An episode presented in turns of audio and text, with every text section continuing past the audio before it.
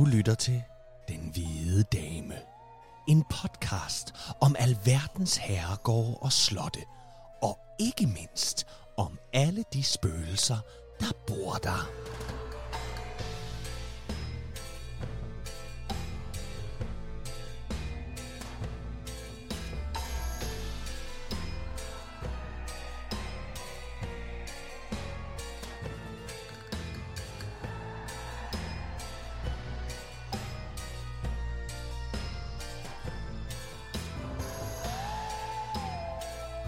Velkommen til Den Hvide Dame, afsnit 45. Hvis du er til lange patter og helt gamle skoler, så er du absolut landet det helt rette sted. Mit navn er Trine Gadeberg, og overfor mig sidder endnu en gang Kasper Lefebvre. Yes, Velkommen det var, til. alligevel en, øh, det var alligevel en lidt anderledes introduktion i dag. Øh, Ja. Det er første gang, jeg tror, at ordet patter er opstået på den måde. Ja. Men øh, Vi kommer til vi det. kommer til Vi det. kommer til Vi det. kommer til Ja, det. det, det har en årsag. Vi sidder her. Det er i optagende stund søndag. Øh, og hvilken søndag? Den 14. januar. Det er en kæmpe historisk dag. Danmark det. har fået øh, En konge. en konge, og øh, en dronning er abdiceret. Vi har også fået en dronning, en ny dronning. Ja. Øh, og øh, bedst som vi sidder her, og man kan ikke høre det, fordi så gode er vores mikrofoner ikke. Men vi sidder herude på Amager, Ja. og vi kan høre fyrværkeriet inden fra Tivoli. Og hvis ikke man er øh, helt så geografisk godt bevendt, så, ligger der, så er der alligevel en små... Hvad er der ind til Tivoli herfra? Er Små nok 3 en 3-4 kilometer. 4-5 km, vil jeg sige. Det er omkring. Ja. Det brager igennem. ja. Og vi kan simpelthen høre det. Og, og vi har også hørt uh, salutterne. Salutterne også, de Ja. ni salutter. Ja, øh, ja lige præcis. Ja. Øhm, Og første gang den det er jo altid dame, ni, når det er kongen. Ja. Det er ni hurraer, og det er ni salutter. Ja. Øhm, Var det ikke også det ved dronning Margrethe? jeg kan faktisk ikke... Jeg, Nej. jeg, ved, jeg ved i hvert fald med kongen. Ja. Jeg ved ikke, om det er anderledes med dronninger. Under alle omstændigheder, så kan vi jo sige, at det er første gang, den hvide dame nu sender i et kongerige. Vi sender for første gang ægte i kongeriget.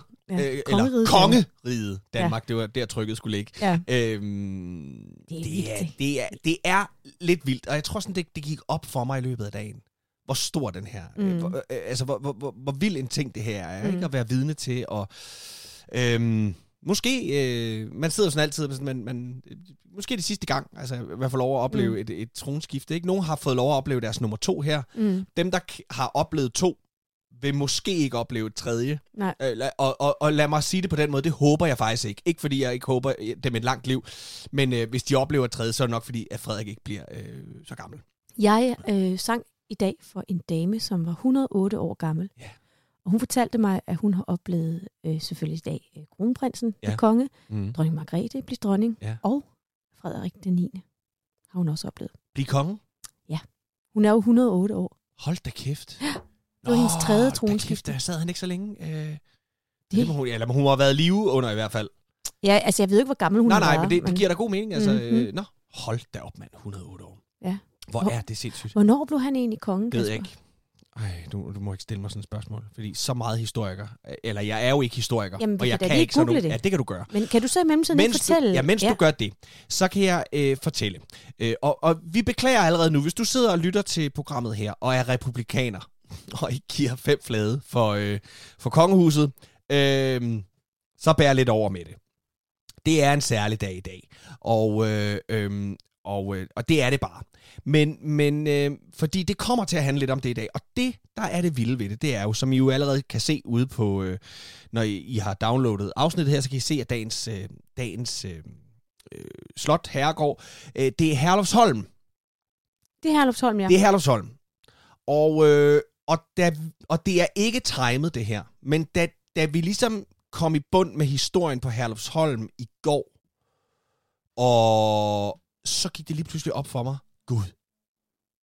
Gud. Det er jo totalt linket til nu.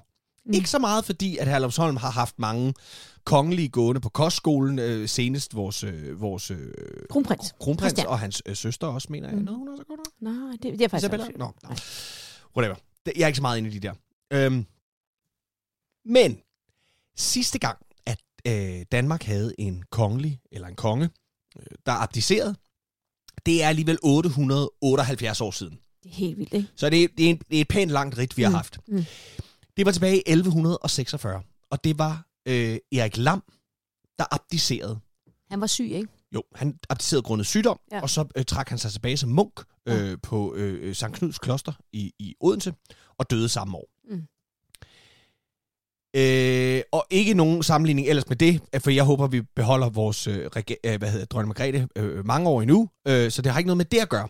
Men linket til den abdicerende konge Erik Lam og Herlufsholm er, og det kommer jeg også ind på i min historie, så det, det er, det er rent faktisk, at landets, øh, et af landets absolut ældste dokumenter, hvis ikke det er det ældste, det er rent faktisk et brev, hvor Erik Lam skænker Herlufsholm, som ikke hedder Herlufsholm på det tidspunkt, det, det er et kloster på det tidspunkt, det er et benediktinerkloster, skænker det øh, en række jorder og beføjelser og alle mulige ting. Og det brev, det findes endnu Ja. og ligger nede på Herlufsholm. Ja. Så det kan man simpelthen se.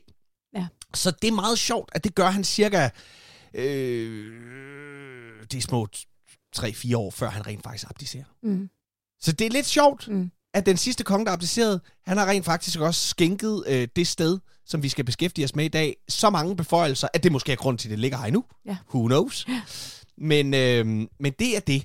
Og, øh, Og, så selvfølgelig også fordi, at du nævnte, at øh, øh, kong Frederik den 10. jo har gået derop. Han har, øh, ja, og, og, og senest øh, vores, øh, vores, øh, vores øh, nu Kronprins. kronprins. Christian. Men vi kommer altså ikke ind på kostskolen øh, på den måde. Vi, de, vi, øh, Nej, det gør vi ikke. Øh, og, og, og, og, vi beskæftiger os ikke med den del. Vi beskæftiger os med den historiske del. Og Ja, de vi beskæftiger os savner. med tilblivelsen Ja. af, af øh, Herlufsholm som kostskole, fordi, øh, og med al respekt for Herlufsholm, øh, men simpelthen bare fordi, fra, det- fra det bliver kostskole, så, så, er, så, er, så er det bare på kostskole. Bare. Mm. Så er der mange prominente mennesker, der går der, bla bla bla bla. Mm. bla. Men altså, øh, det er ikke så interessant derfra. Nej. Så det er turen op til, Ja. og selvfølgelig om de to rockstjerner øh, nede på Herlufsholm, netop Herluf Trolle og Birgitte Gøje, som Lige jo præcis. er de, de helt store. Trine, gud, hvor har vi snakket meget. Ja, men jeg, lige, jeg skal Ja, lige nå at sige, ja. fordi det lovede jeg nu. Jeg har jo mellemtiden lige undersøgt, Ja. at, øh, at øh, Gerda, som hun hed, på 108 år, hun Ja. har jo også oplevet øh, Frederik den 9. i 1947. Sådan. Dronningen, Nu. kronprinsen også, Og som så- jo er og nu Frederik den Kong 10. Frederik den 10. Bang! Men øh, jeg, Flot. jeg glæder mig simpelthen sådan til at høre, hvad du har fundet frem i dag. Lad os høre om Herlufsholm.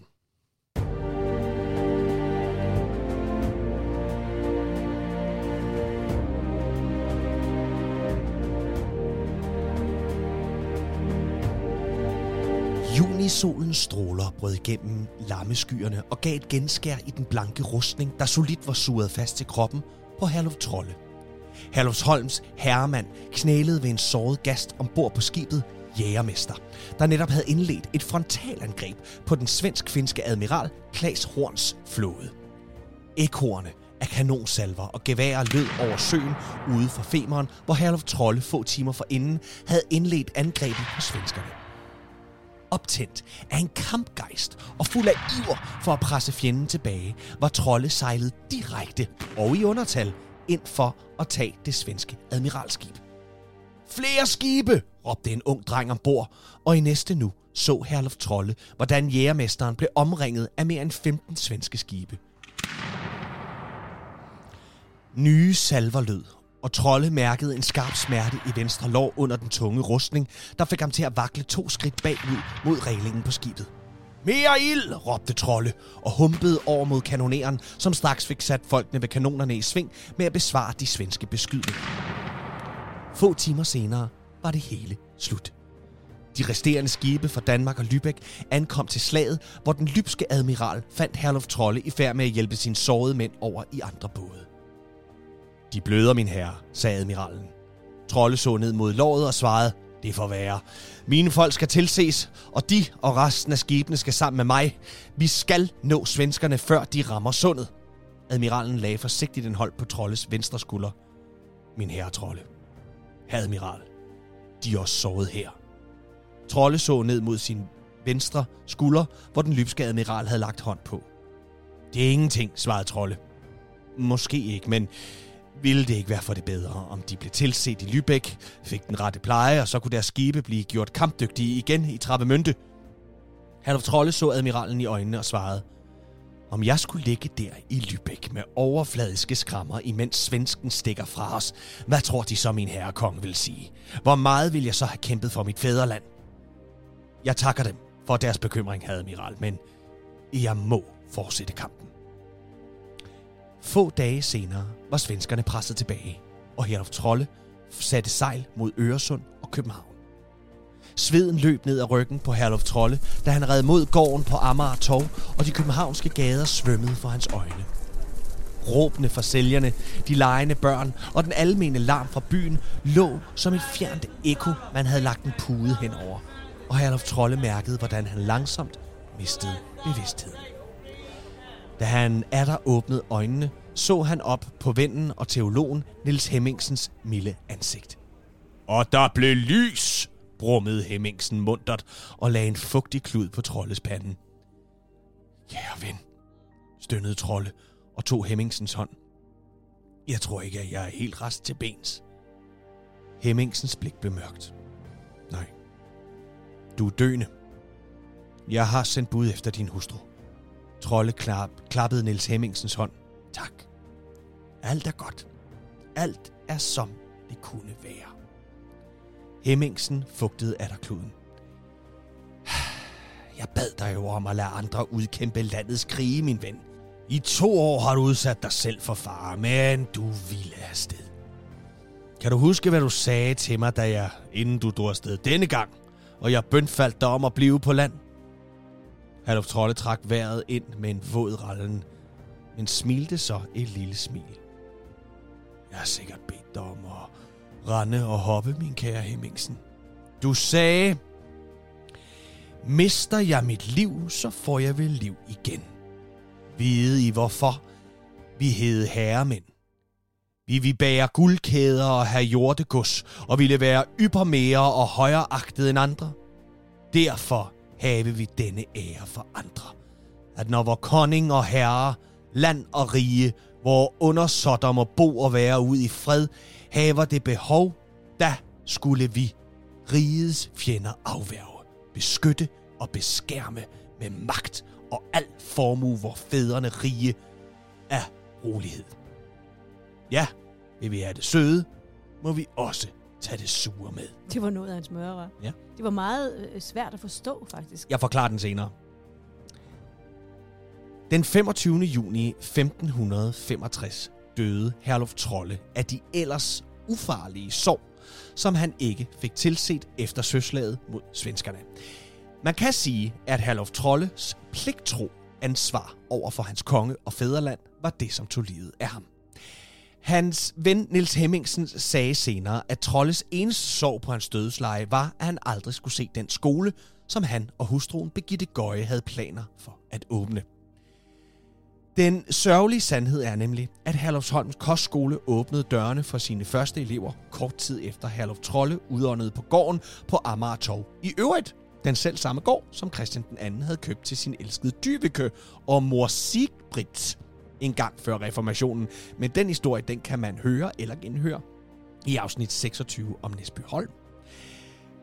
Nu skal vi tilbage til Herlufsholm, som tager sin begyndelse helt tilbage i 1135, helt præcist den 29. november 1135. Hvordan kan vi være så præcise? Jo, sagen er, at det hele starter som et såkaldt gavebrev fra stormanden Peter Bodilsens og dennes mor Bodil samt brødrene Hemming og Jørgen. De giver via gavebrevet jordegods til oprettelse af et benediktinerkloster.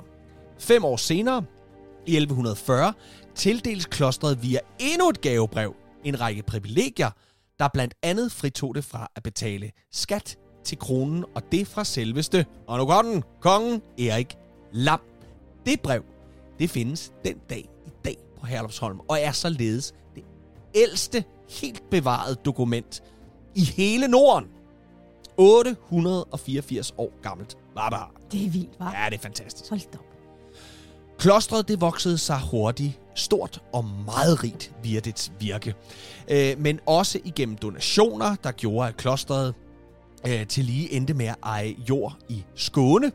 Stedet det blev kaldt Næstved Sankt Peders Kloster. Og fra endnu en lang række velbevarede dokumenter og breve, der kan vi læse os frem til, at klostret husede hen over 30 munke, samt noviser, lægbrødre, det vil sige, lægbrødre, det er folk, der bor på klostret arbejder der, men ikke er øh, munke. Og øh, endelig så tog det øh, selvfølgelig også imod øh, adelige, der boede der, øh, mod betaling selvfølgelig. I 1300-tallet, der bliver øh, Næstved Sankt Peders kloster nu kendt som Skovkloster. I 1530 kan vi via optegnelser læse os frem til, at det umådeligt rige benediktinerkloster råder over ejendomme i over 100 byer, nærmere betegnet 440 uh. ejendomme i alt. Ja, det er jo stort, hva'? Ja, det er en, det er en pæn chat. Vi kender efterhånden fremgangsmåden her i podcasten. 1536, reformationen, slut med katolicisme, kronen beslaglægger alt, hvad kirken ejer, og klostrene får allernådes lov til at afvikle deres munke over en lille årrække, indtil de gamle klostre bliver til herregårde og godser for adelen og kongen. Og skovkloster er heller ingen undtagelse her. I 1559 forlod de sidste benediktinermunke klostret, og året efter tilbyder Frederik den anden klostret til Herluf Trolle i et mageskifte, hvor kongen så overtager Trolles Hillerødsholm i bytte. Hillerødsholm bliver med tiden et mere kendt slot, nemlig Frederiksborg Slot. Herluf Trolle og hustruen Birgitte Gøje flytter ind, og stedet bliver omdøbt til, tada, Herlufs Holm. Gøje og Trolle mødte hinanden i en, for den tid, sene alder. Herluf Trolle var 28, og Birgitte Gøje 33. Måske mest i øjenfaldene er Gøjes alder, for selvom 33 år i dag ikke er nogen alder, så er det i 1500-tallet en menneskealder, og særligt for en kvinde, som forventes at indgå ægteskab, så snart hun var fødedygtig. Men Birgitte Gøje var en særdeles selvstændig kvinde, som tog en meget vigtig kamp og vandt den. Birgitte blev nemlig, som så mange andre kvinder i adelen, trolovet med en ældre mand. Således var Birgitte Gøje blot 11 år gammel, nogle kilder siger endda to år, da hun blev trolovet med den 20 år ældre Jesper Då til Engård. Men så skete det. Da Birgitte Gøje nåede teenageårene, og det var tid at indgå ægteskab, ja, så nægtede hun pure. Hun ville ikke tvinges, så enkelt var det. Man har ikke fundet et eneste dokument eller brev fra samtiden, hvor Birgitte Gøje taler dårligt om Jesper Gå. Då. Således handlede Gøje alene ud fra et selvstændigt frihedsprincip, hvor hun nægtede at lade sig gifte med nogen, hun ikke selv havde valgt eller elsket. Hele sagen blev afgjort ved en såkaldt universitetsdom, hvor landets klogeste hjerner af lærte mænd nåede frem til, at det, som i grunden måtte ligge til hindring for trolovelsen, var, at den var arrangeret under katolicismen. Og således blev Begitte i 1540 en fri og selvstændig kvinde, der kunne gifte sig med den, hun havde lyst til. Du godt gå ud af Sådan der. Og faktisk så var hele sagen om Birgitte Gøjes krav på frihed en direkte grund til, at kong Christian den 3. fik lavet lovændringer på børne- og tvangsægteskabsområdet. Og herefter blev det altså stadfæstet, at børn ikke måtte loves bort, og at voksne mænd som kvinder selv skulle tage stilling til at indgå ægteskab. Det var godt. Ja. Ikke at jeg tror, det blev overholdt, Nej. men Men det så var det i hvert fald ned i lov, og for Birgitte øh, lykkedes det. Fire år senere, i 1544, der gifter Birgitte sig så med Herluf Trolle, og at det var af ren og skær kærlighed, helt uden tvang, og fordi de to i hinanden fandt en sjæleven. De var begge meget interesserede i kunst og kultur, og så delte de en stærk tro på Gud og et kristent humanistisk livssyn. I Herluf og Begitte fandt man absolut ingen bundeplager eller en ophøjet tro på, at de selv var bedre end den lavere stand på grund af deres medfødte privilegier. De var netop begge meget bevidste om, at der via deres medfødte privilegier hvilede et stort ansvar, som vi så også kan udlede af det berømte citat som øh, fra indledningen fra Herluf Trolle, den her, som du sagde, det var lidt svært at forstå, for, til ven øh, Nils Hemmingsen, hvor Trolle jo netop beskriver, at det er adelens pligt at forsvare landet og dets borgere mod fjender. At det er de, som er født med privilegier, der må stå forrest og tage det sure med det søde, når pligten kalder. Okay. Det er faktisk det, han er. Ja. Han er meget bevidst om det. Og, og, og jo egentlig også øh, i, i... Man kan også tage den op og svinge den helt op til, hvordan adelen jo egentlig er... Det er jo adelen, der er rigsrådet i, i Danmark, ikke? Det er jo, det er jo adelen, der, der, der et eller andet sted bestemmer. Jeg ved godt, vi har konger, men vi har jo ikke enevælde. Vi har, vi har, vi har, vi har et rigsråd af, af adelige, og ja, de titler, de går i arv. Det er, det er medfødt, øh, alle de her ting. Men det er jo dem, der ligesom kan sige, hvis kongen bryder aftaler, der er lavet med adelen og, og den slags ting, så er det jo dem, der kan fjerne ham og sige, den går altså ikke. Det gider vi ikke. Ligesom de gjorde med Christian den anden, ikke? Altså, da han efter det stokholmske blodbad siger, det går sgu ikke. Ud med dig. Så her er herr Trolle jo også meget bevidst om, at adelen jo rent faktisk også øh, via deres magt i rigsrådet, altså den magt, de egentlig også har over kongeriget igennem, altså via kongen, og at, at, at, at, så det er han meget bevidst om. Så jeg øh, vil sige, som jeg læste om ham her, blev jeg meget jeg blev meget betaget af Herluf Trolle.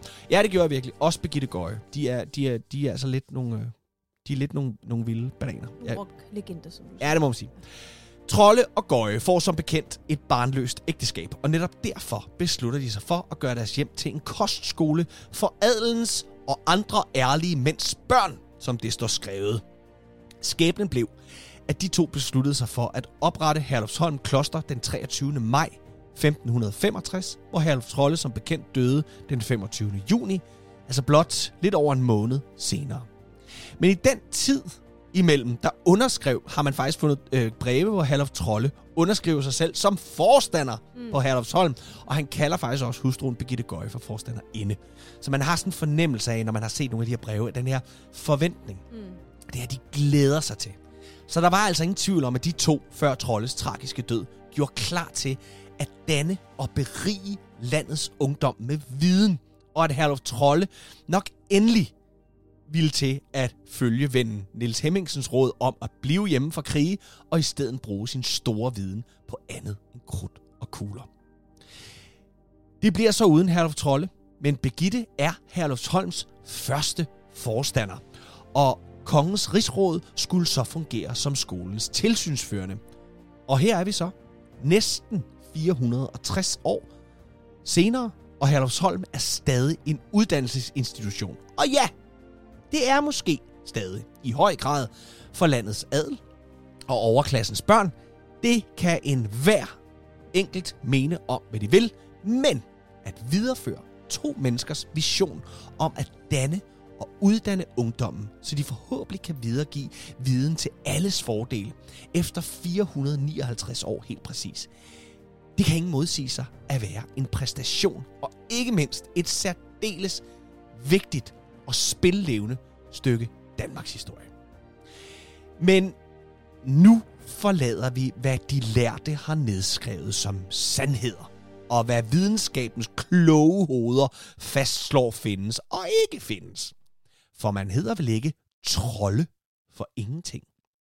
Og var der ikke mere mellem himmel og jord i gamle dage? Vi skal i hvert fald nu høre om det, der ikke helt kan forklares på og omkring Herlufsholm.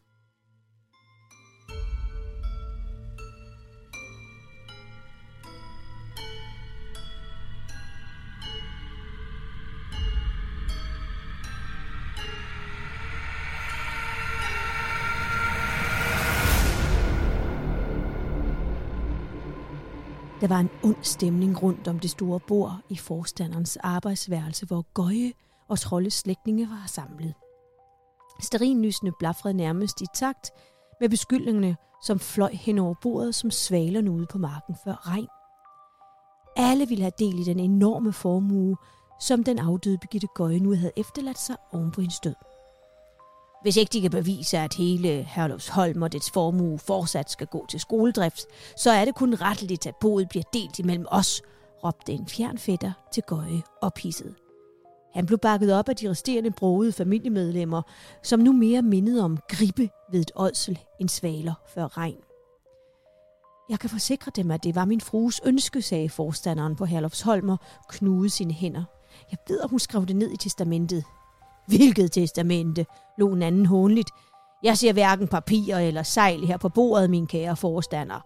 Hvis ikke de inden i morgen er fremkommet med et bevis på deres påstand, så tilhører hele dette hus og alle dets rigdomme os, familien. Derpå rejste alle sig og gik. Tilbage i arbejdsværelset sad den fortvivlede forstander og stirrede ind i flammen på sterinlyset.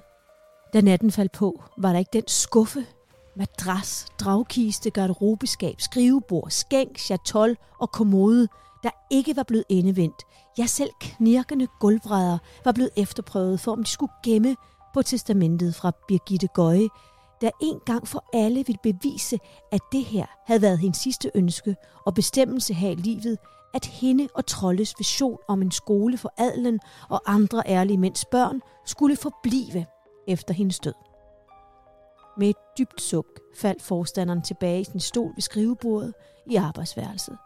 Slaget var tabt.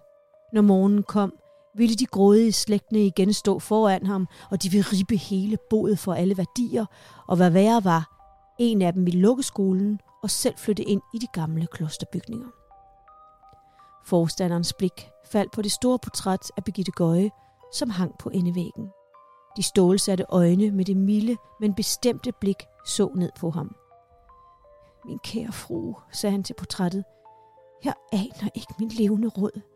Hvis de dog blot kunne fortælle mig, hvor deres testamente var, så skulle jeg love dem og deres mand, at dette sted skulle bestå ud i al fremtid.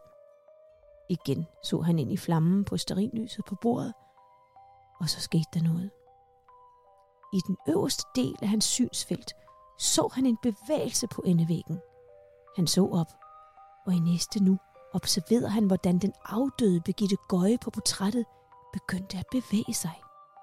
Hun drejede hovedet i retningen af månen, som lyste ind af vinduet, og derefter strakte hun sin arm ud af portrættet og tog fat om den tykke, mørke egetræsramme og trak sig hele kroppen ud af portrættet.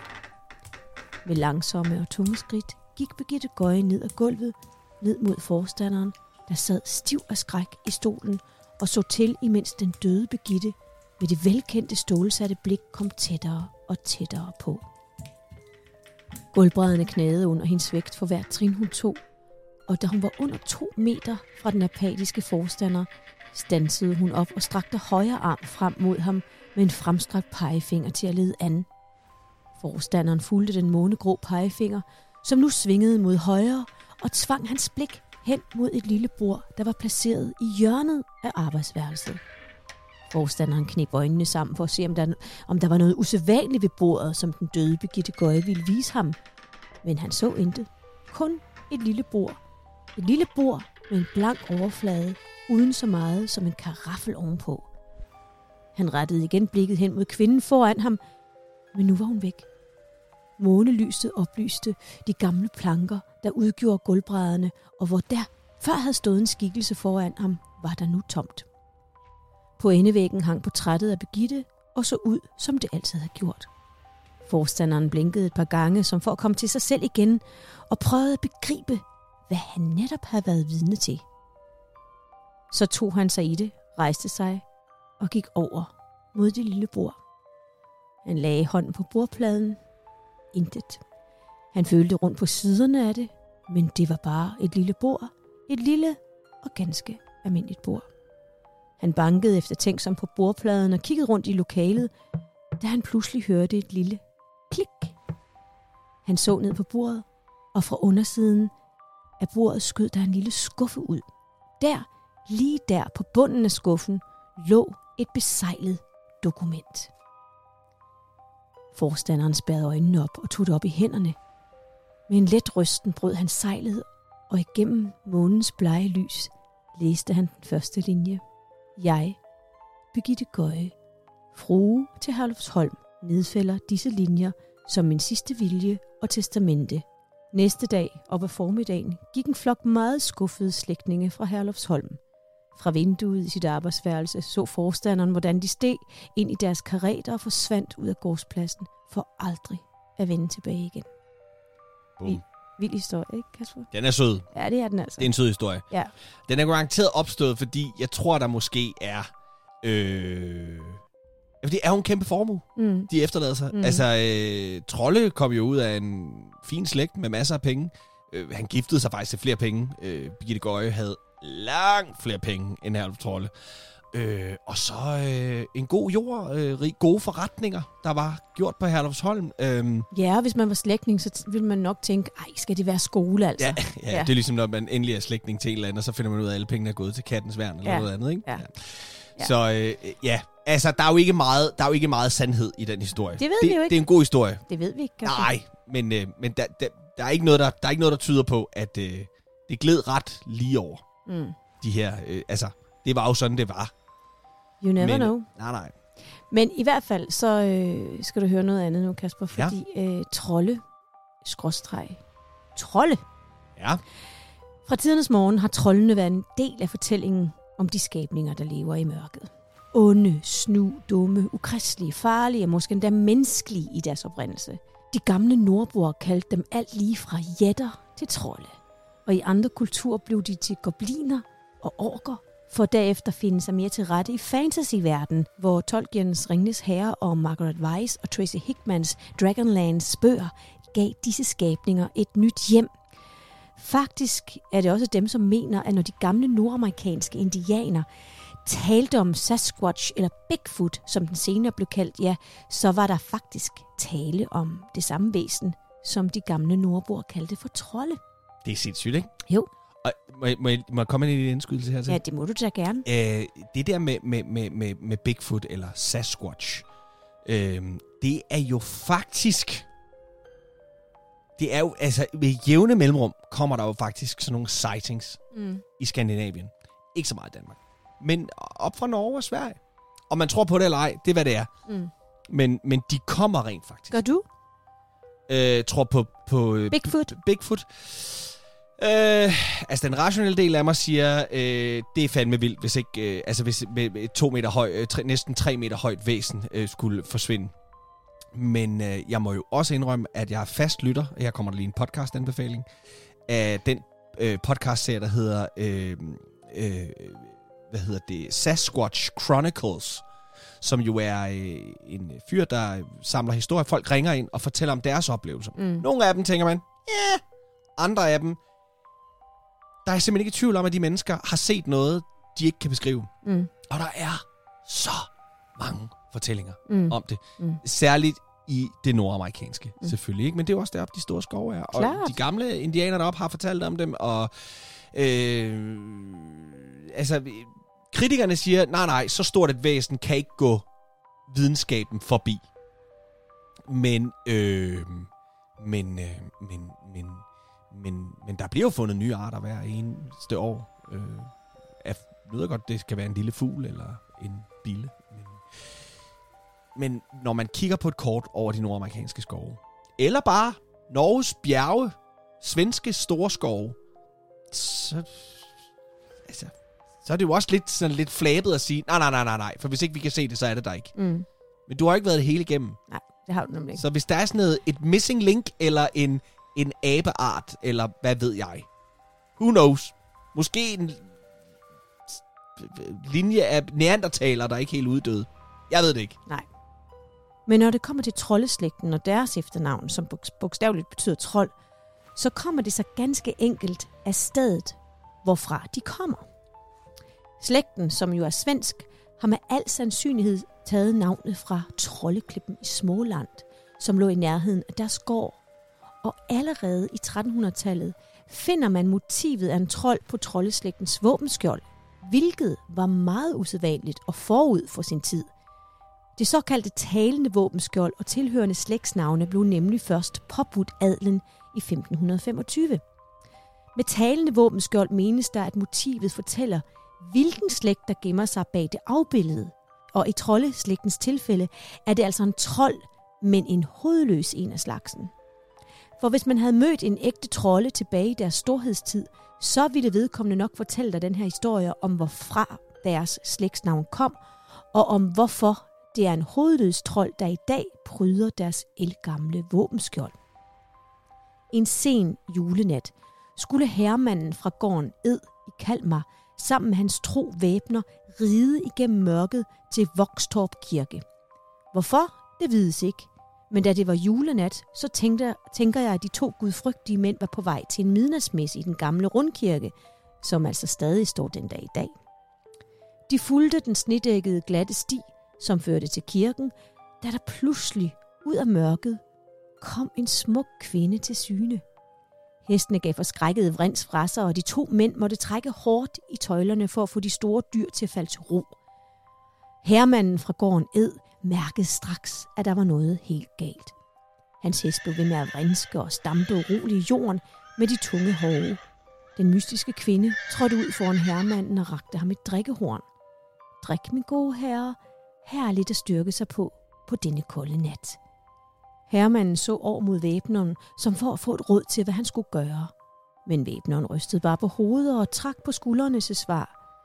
Forsigtigt rakte herren ned mod drikkehornet i den mystiske og smukke kvindes hånd.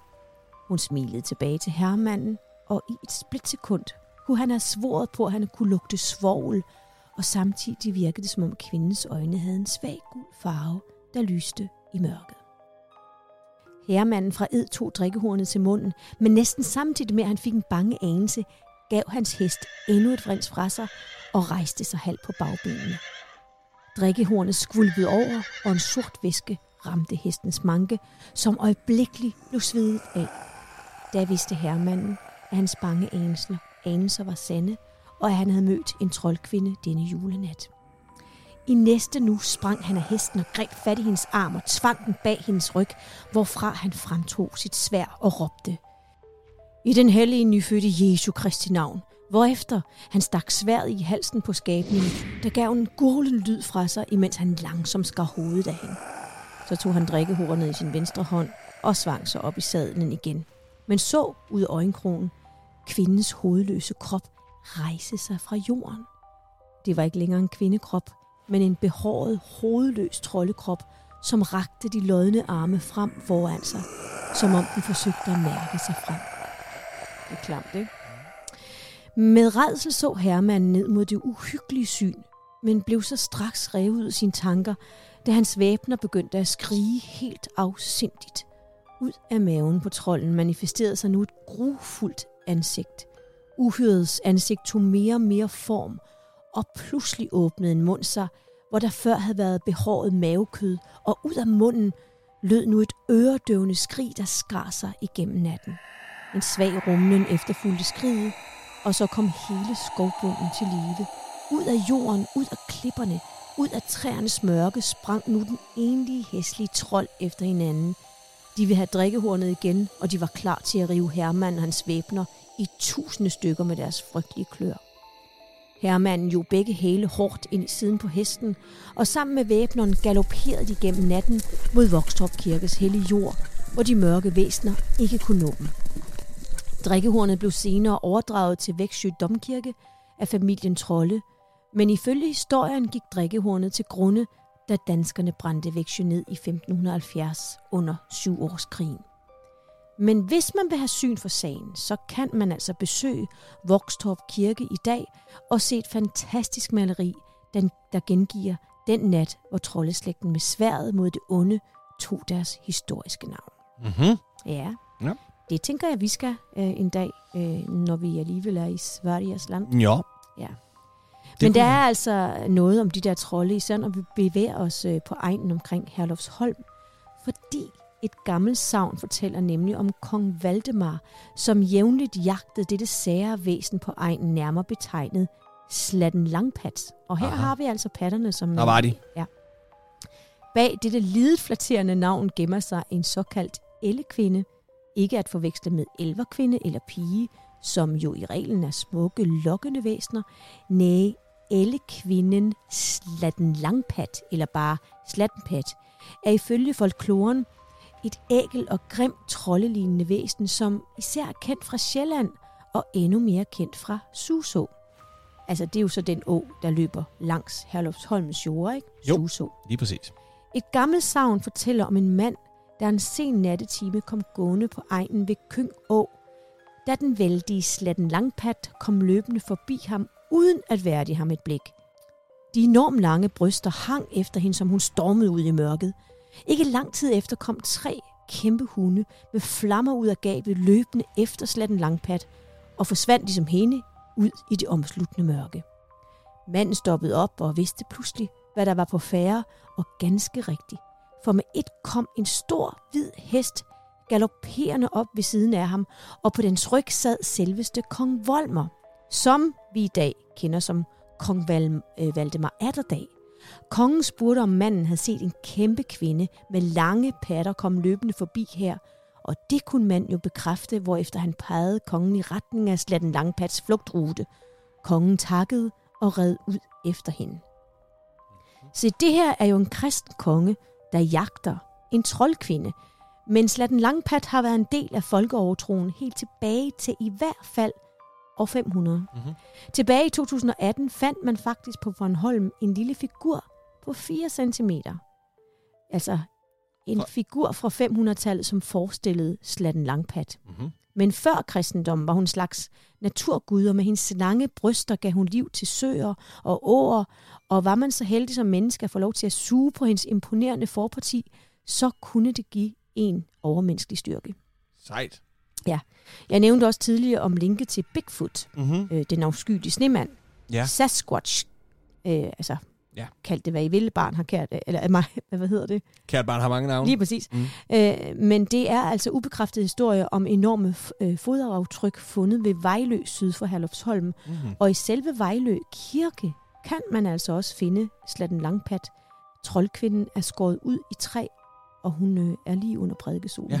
Fuldstændig som man vil se de nordamerikanske indianer skære Sasquatch ud i træ på deres totempæle. Ja. Må jeg lige indskyde en lille ting? Ja. Øh, fordi når, jeg, når du siger Kong Volmer, Kong Volmers røv. lige præcis, Ja. Kong Volmers røv, det er det, det, de fleste vil sige.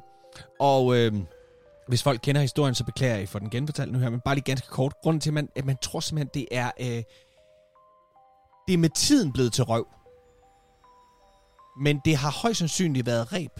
Nå, Kong Von... Kong, Kong Volmers ræb og Kong Valdemars ræb. Og det var, mener man, fordi at Kong Valdemar Atterdag var øh, særdeles interesseret i, øh, øh, du ved, øh, øh, sådan noget, hvad, hvad han ejede. Altså i jord. Det her det er min, og det her det er min. Og det er mit, og hertil går mit skæld, og hertil går dit skæld. Skulle han efter sin have været. Og dengang målte man det op i ræb. Nå, Så man havde et ræb. Så, øh, så det er simpelthen det, Kong Volmers ræb. det er lidt sjovt. Så det har været det, og det er blevet til sådan en lidt skide irriterende ting, ikke? Sådan, øh, her kommer Kong Volmers ræb, ikke? Mm. Og sådan noget. Så det er derfra, det kommer. Ah, det er sjovt. Og så er det bare med tiden glædet over i Kong, Kong Volmers røv. røv. Ja. Det lyder også sjovere. Ja. Men altså, de lange patter er ikke det eneste, det eneste lange, der huserer i Suså. Den kan nemlig også byde på en søslange. ja, selvfølgelig. Den sidste officielle rapport om uhyret er altså tilbage fra midten af 80'erne, hvor nogle kanusejlere ved hele tre lejligheder havde set en slangelignende væsen dobbelt så lang som deres kano svømme lige forbi dem. Mhm. Og i et fatalt tilfælde øh, har jeg altså øh, læst, at der er en mand fra Næstved, og hans hund blev trukket under vand og et af slangen fra da. Kasper, ja. det var, hvad jeg havde. Det er en blandet landhandel til dig øh, i dag, og til alle lytterne derude ja. fra, fra Ej, portrætter, der kommer levende ud, og til Slatten Langpat. Prøv at høre, jeg synes altså, det er sjovt. Jeg synes altså, det er sjovt, at der er nogen, der hedder Trolle til efternavn, ikke også? Mm. Og det er, øh, jeg ved godt, det er T-R-O-L-L-E, øh, og T-R-O-L. Det Det er E på dansk, ikke? Men trolde og sådan noget. Men er det ikke sjovt, at de slår sig ned på egnen omkring Suså? Hvor Slatten Langpat, Huserer. som er et troldevæsen, ikke? Mm. er der jo før de kommer. Så, så allerede inden de ankommer, er troldehistorier ret sådan Ja, brugt. der er mange øh, og der er mange troldehistorier særligt på. Sjælland. Sjælland er Ja. meget sådan tro, øh, rig på troldehistorier. Mm. Mm. Mm. Det er der meget skægt. Ja, det er det, sjovt. det, det, lille sammentræk. Ja. Nå, Altså, Ja. Herlufsholm er jo ikke åben for offentligheden. Det er en skole. Det er den i sagens natur, men på deres hjemmeside, der kan man se, øh, hvis man har lyst, sådan en lille rundvisningsvideo. Øh, video. Ja. Mm, det kan man. Og øh, til gengæld så kan man altså gå ind i kirken, altså Herlufsholm Kirke. Der, der kan man bestille en rundvisning og blandt andet se Herlufs Trolles rustning med det her berømte skudhul i venstre lår. Og så kan man selvfølgelig også se øh, øh, Cornelis øh, Flores imponerende gravmæle over Herluf Trolle og Birgitte Gøje. Ikke at forveksle med en sarkofag. Der er mange, der tror, når de ser de der, at de ligger nede i. Men det gør de altså ikke. Herluf og Birgitte ligger begravet i krypten under koret. Tilbage, der er der bare at sige tak til dig, Trine. Tak til dig, Kasper. Og til vi ses igen, så må I alle sammen have det uhyggeligt godt.